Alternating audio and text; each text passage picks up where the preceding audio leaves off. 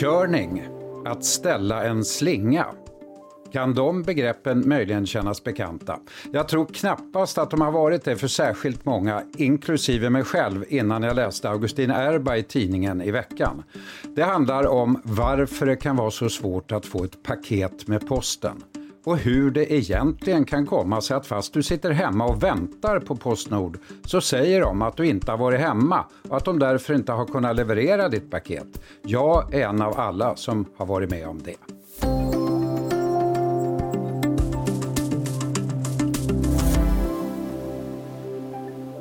En av de särklassigt mest lästa och kommenterade artiklarna i Dagens Nyheter i sommar handlar om Postnord.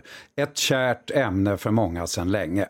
Artikeln skrevs alltså av Augustin Erba och han skrev den utifrån egen erfarenhet, upprördhet och nyfikenhet. Varför levererar de inte, trots att du sitter där och väntar? Hej Augustin, vad var det egentligen som hände dig? Ja, men det som hände mig var ju det som uppenbarligen har hänt dig och många andra svenskar här. Eh, att eh, Eh, jag satt hemma och väntade på mitt paket eh, och det var, eh, jag hade laddat ner Postnords app och så kunde jag se hur paketet färdades och kom allt närmare mig. Och sen så plötsligt får jag ett, SM, får jag ett meddelande i Postnord-appen där det står att försändelsen har inte kunnat levereras och du måste nu gå ut och hämta det här på ett uthämtningsställe. Eh, och det här tyckte jag, det här är ju ett problem naturligtvis för att i tider av eh, coronavirus och så, så är det väldigt många människor som är beroende av att de inte ska behöva gå till något uthämtningsställe utan istället faktiskt kunna få saker och ting till dörren. Eh, och Då ehm, bestämde jag mig helt enkelt för att försöka ta reda på hur kommer det sig och vad betyder det här meddelandet som så många får från Postnord att försändelsen inte kunde levereras. Men du måste ju först Augustin, du måste ju berätta ändå vad, hur du reagerade. Vad kände du? Vad tänkte du? Nej, men jag har ju varit med om det ganska många gånger. Det har liksom blivit som en, som en vardagsupplevelse att, att man får beskedet att det gick inte att leverera och så har jag liksom funderat över ja, varför är det så? Eh, och så har jag bara konstaterat att det är så det är. Så att när jag väl fick, eh, fick det där beskedet då tänkte jag så här, äh, men jag måste ta reda på, gå, gå till botten med detta. Så hur kan det vara så? Jag har ju faktiskt varit hemma och jag kände, jag kände just det här det här som uppstår i den här, de har ju en lite märklig formulering där. Det står ju, eh, nu vet jag inte hur det står i allas appar, men i min stod det någonting i stil med att försändelsen kunde inte levereras mm. eller, eller något sånt. Um, och, ja, det gjorde det för mig också. Ja, eh, och det intressanta är att, att det talar ju inte egentligen om vem, vem det är som inte har kunnat leverera. Egentligen så säger den ju inte att felet ligger hos mig. Men jag tänker ju naturligtvis direkt, eftersom jag har ju varit hemma och de, mm. har levererat, och de har sagt att de försökt leverera, att på något sätt så säger de att jag inte har varit hemma fastän jag har varit det. Och det här är, det här är ju naturligtvis, och det här kan jag ju säga att efter att ha fått otroligt mycket mejl från olika delläsare kan jag säga att det upplevs som väldigt provocerande. Att man vet att man varit hemma men så har man inte antingen sett till någon Postnordbil eller ingen har ringt på dörren och så. Så vad, vad, var det då, Augustin, vad var det för olika skäl du fick när du började ringa och kolla och prata med dem om varför varan inte levererades? Jo, nej men, eh, ett skäl kan ju förstås vara att Postnord har gjort fel. Eh, men i mitt fall, eh, då, då, var ju, då var det så att när jag gjorde min beställning, och jag hade beställt en, en kontorspryl eh, ifrån ett stort välkänt kontorsvaruhus eh, i Sverige.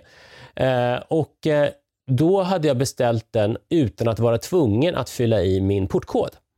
Eh, så att jag, jag eh, när då, eh, och jag ringde till posten, eh, då Postnord för att höra vad de hade för förklaring och då sa de det så här, ja men du, när du gjorde din beställning då fick du inte fylla i din portkod eller ditt, ditt telefonnummer och därför så när föraren kom förbi din adress då hade han inget sätt att komma i kontakt med dig. Han kunde inte gå in genom mm. porten och han kunde inte ringa på telefonen.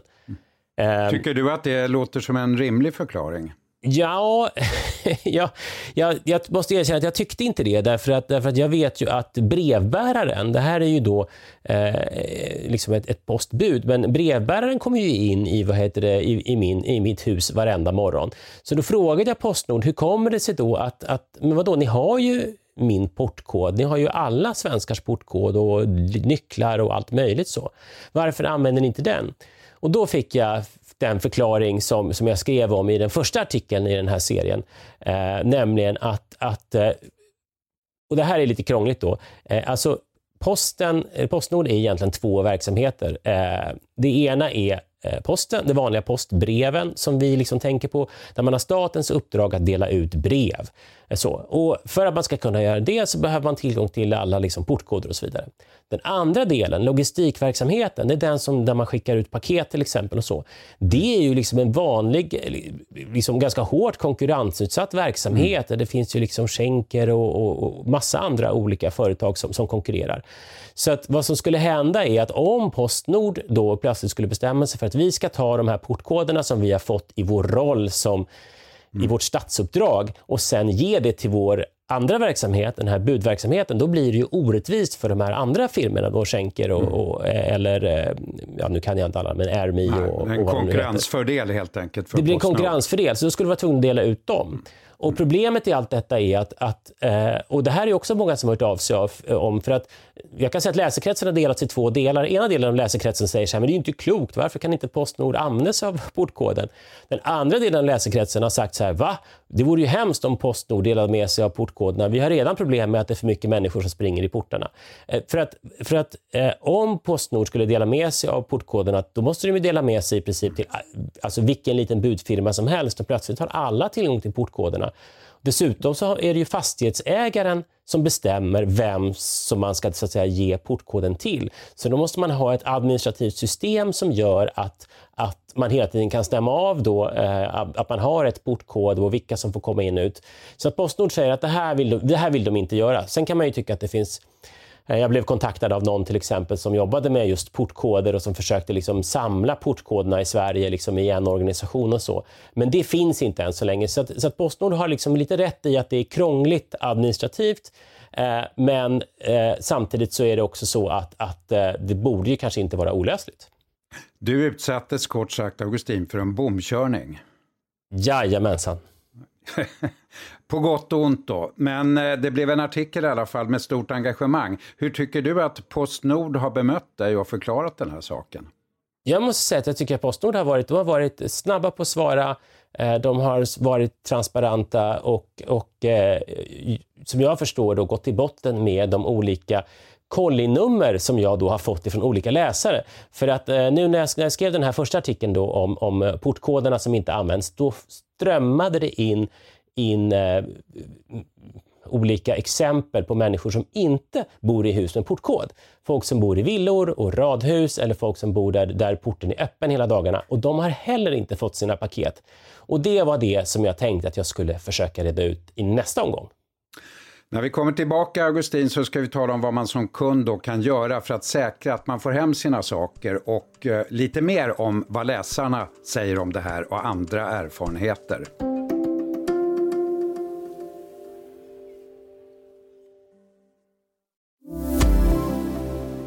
Ja, eh, Augustin Erba, du skriver i en ny artikel i tidningen idag om Helga Hedén och hennes erfarenhet av det här. Det här var ju, som jag ser det, var ju ganska upprörande läsning faktiskt. Berätta vad Helga var med om.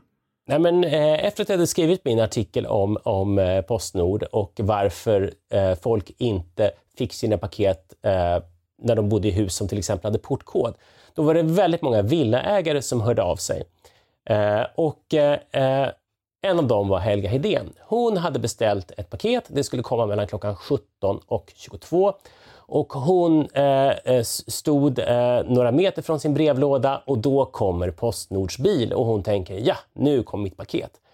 Så står bilen där ett tag. Ingen kliver ur, ingen ringer på hennes telefon, ingen ringer på hennes dörr. Eh, och sen så åker bilen iväg. Och då blir hon ju väldigt förvånad. Eh, och eh, bilen gör en U-sväng, kommer tillbaka eh, och när den kommer tillbaka då stoppar hon bilen och ja, det utbryter en ordväxling. föraren säger någonting i stil med “Jo, jag har ditt paket men du får hämta det på ett utlämningsställe för du var inte hemma” och hon var så här “Men jag står ju här” typ. och så blev det lite irriterat och hon fick sitt paket till slut. så hon hörde av sig till mig och jag fick tag på det här kollinumret eh, som ju är det här nyckeln då för att Postnord ska kunna lista ut vad som har gått snett. Eh, så att jag kunde gå till botten med den här historien. Och vad, hur har Postnord hanterat den här då väldigt konkreta händelsen? Det låter ju som en riktigt fel som chauffören gjorde.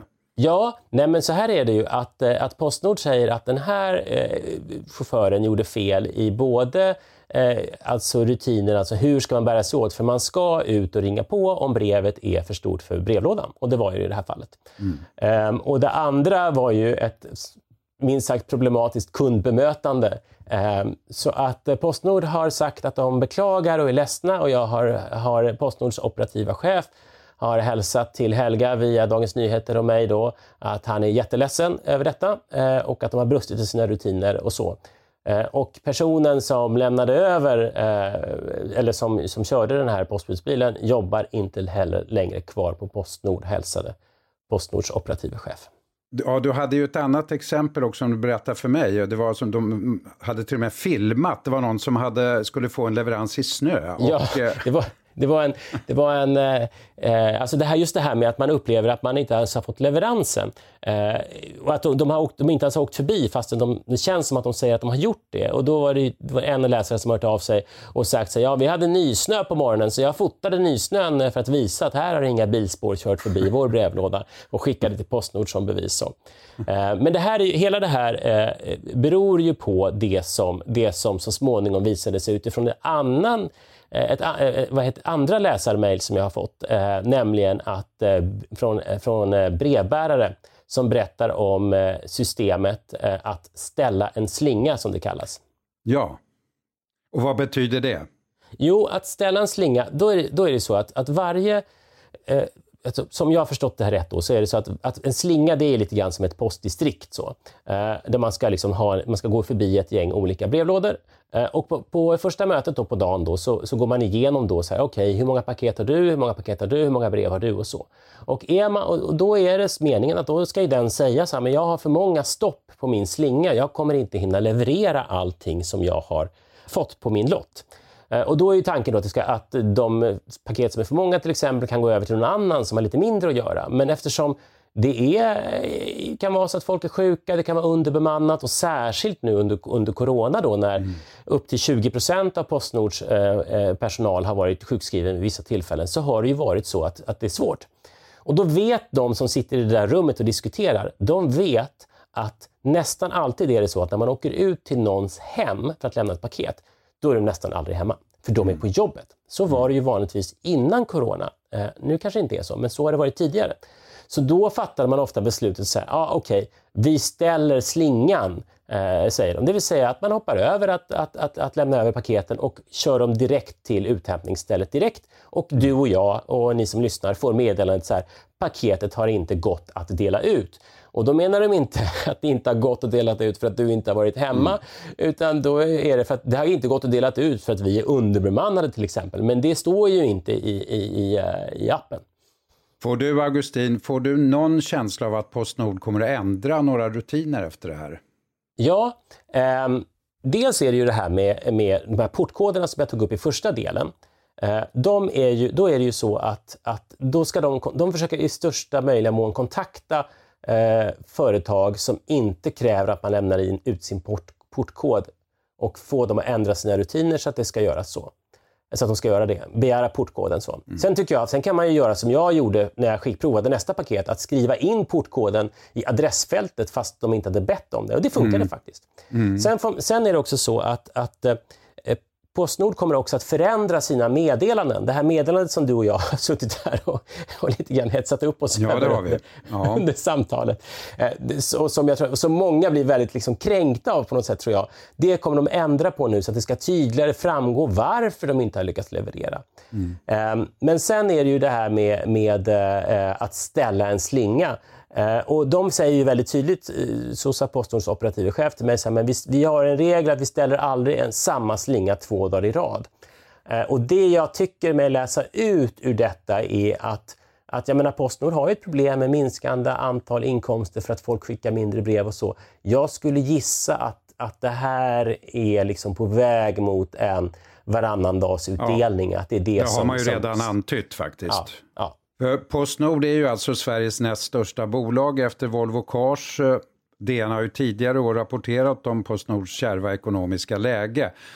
Trots att svenskarna inom fem år väntas skicka och ta emot 400 procent fler paket. Men så är det ju det där Augustin med att vi inte skickar brev och vykort längre. Gör du det?